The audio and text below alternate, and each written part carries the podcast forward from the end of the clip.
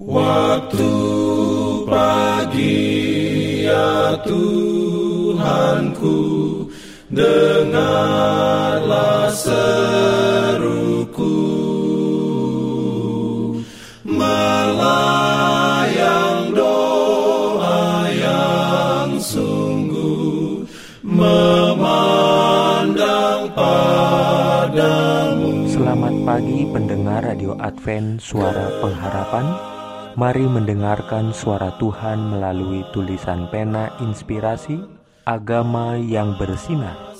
Renungan harian 17 Juli dengan judul Memikul beban untuk jiwa mereka. Ayat inti diambil dari 2 Korintus 7 ayat 9 Firman Tuhan berbunyi Namun sekarang aku bersuka cita bukan karena kamu telah berduka cita, melainkan karena duka citamu membuat kamu bertobat.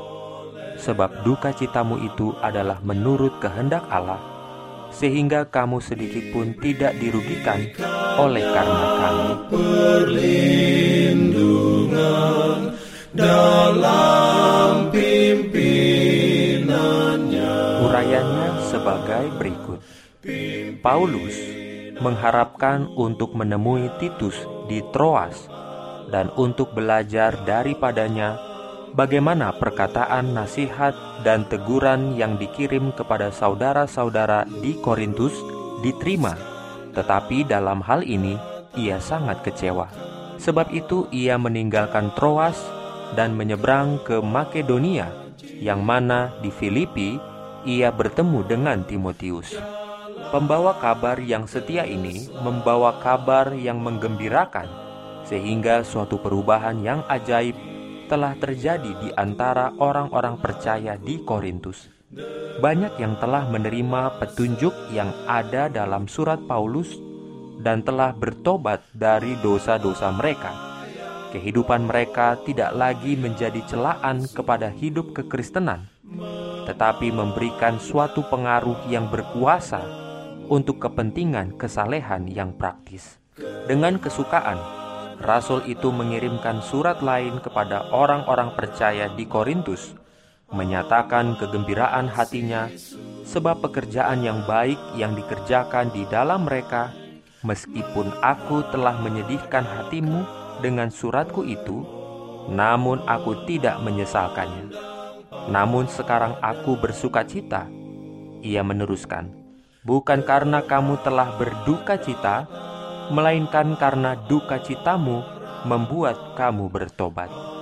Untuk beberapa lama Paulus telah membawa suatu beban jiwa untuk sidang-sidang suatu beban yang begitu berat, sehingga ia hampir tidak dapat menanggungnya. Tetapi sekarang satu sebab kecemasan telah dihilangkan. Ketika kabar penerimaan suratnya kepada orang Korintus Paulus bersorak dalam kegembiraan. Ia merasa bahwa setan tidak akan menang pada pekerjaan Allah di Korintus. Dan dalam perkataan puji-pujian, ia mencurahkan pengucapan syukur hatinya. Diberikannya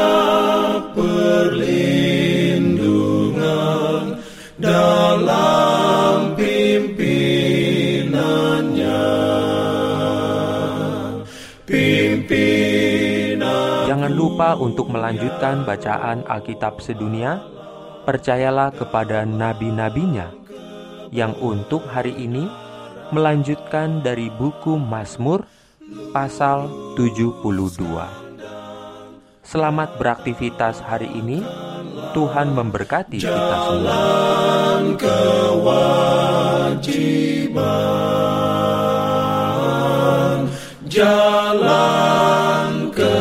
Islam.